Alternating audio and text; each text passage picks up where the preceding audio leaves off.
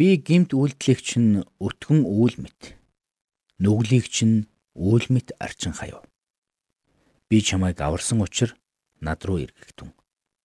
Исия 44-ийн 22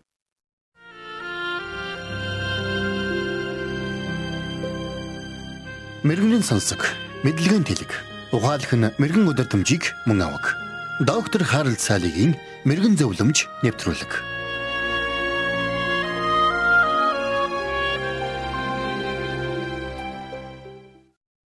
Бид таньдаг хүнтэйгээ уцаар холбогдоод хамгийн түрүүнд асуудаг асуултуудын нэг нь хаана байгаа юм бэ гэсэн асуулт юм. Цаашлбал бид хаана ихтэй сэтгэл татам газар явж байх үедээ ойр дотны хүн рүүгээ уцтаад намайг хаана байгааг мэдж байна уу гэж сэтгэл догтлон асуудаг шүү дээ. Бид бие биенээ хаана байгааг мэдснээр өөр хоорондоо илүү ойр дотно тийм л сайхан холбоог үүсгэж чаддаг. Нэр зэтгүүлч Энди Кроч бичгтээ орчин үеийг технологийн оролцоогүйгээр төсөөлөх аргагүй болжээ.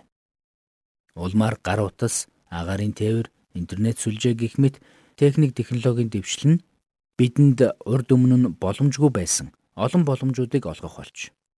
Бид ч үүний үр шимээр хин хаана юу хийж байгааг ядах юмгүй мэдэх боломжтой болжээ гэсэн байдаг. Гэхдээ зөвхөн хүмүүс бид бие биенээсээ ингэж асуудаг юм бишээ. Бурхан ч бас нэгэн цагт хүнээс ийхүү асууж байсныг та санах хэрэгтэй. Бидний амьдралд хүнд хэцүү асуудал тулгарч уугаш өнөмрөх үед бид өөрийн мэдлгүй бурхан минь та хаана байна? Намайг хаана явж байгааг та мэдэж байна уу гэж асуудаг. Ингэж асухдаа бид угтаавал бурхан минь та үнэхэр бүхнийг хянаж байгаа гэж юу? Энэ хүнд хэцүү цаг үеийг даван туулахад та надад үнэхээр тусалж чадна гэж юу хэмээн асууж байдаг. Хэдийгээр бид итгэлээр төлөвшөөгүй хүн л бурхан минь та хаана байна хэмээн асуудаг гэж боддогч үнэн хэрэгтээ итгэлээр төлөвлөсөн хүмүүс ч зовлон шаналл дундаа бурханд хандан ийхүү хашгирдаг юм. Хайртай эхнэр нь хор тавдрын улмаас өөд болох үед Британийн нэрт пастор Жозеф Паркер сэтгэлээр ихэд унаж хайр инэрлийн бурхан яагаад хайртай хүнд нь ийм зовлонг зөвшөөрсөн болохыг өөрөөсөө асууж ихэд шаналж байсан гэдэг. Итгэлийн амьдралаар амьдраад олон жил болсон нэг найзын маань ихнэр хүн тагалгаанд орох ёстой болсон юм. Улмаар мэс заслын үеэр ихнэр нь амьсгал хураах үед тэр чангаар Бурхан минь надад хамгийн их хэрэгтэй тэр цагт та хаана байсан бэ хэмээн хашгирж байсныг би санаж байна. 9 дугаар сарын 11-нд дэлхийн худалдааны төвд болсон халдлагын үеэр олон зуун хүн амиан алдаж, олон зуун мянган хүн Бурхан минь та хаана байсан бэ хэмээн асууж байсан.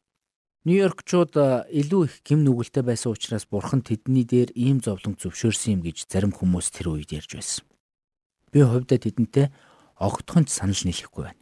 Нөгөөтэйгүр Бурхан өөрийнхөө ард түмнийг энэ дэлхийн ёрын муугаас үргэлж авран хамгаална гэж амлаагүй болохыг бид санах хэрэгтэй.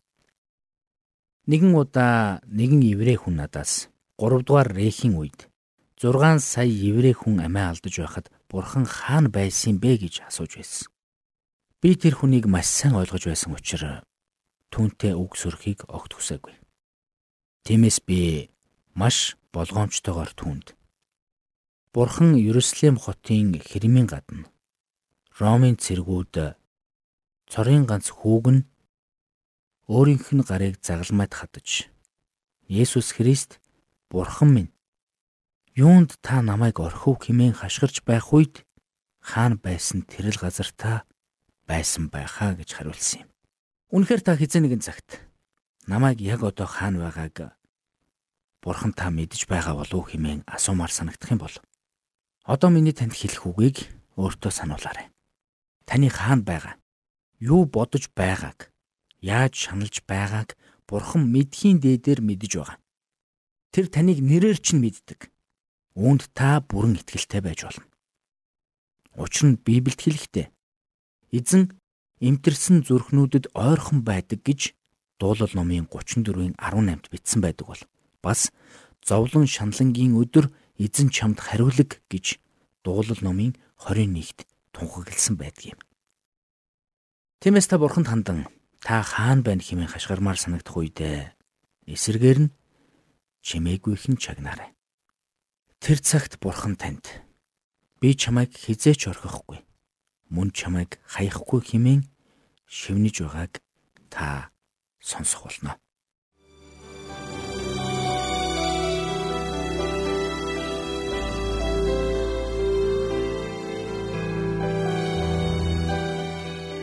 Мэргэн нэгнийг дагвал мэргэн, мулгуутай нөхөрлөл хорлол. Доктор Харалт Салигийн мэрэгэн зөвлөмж нэвтрүүлгийг танд хүргэлээ.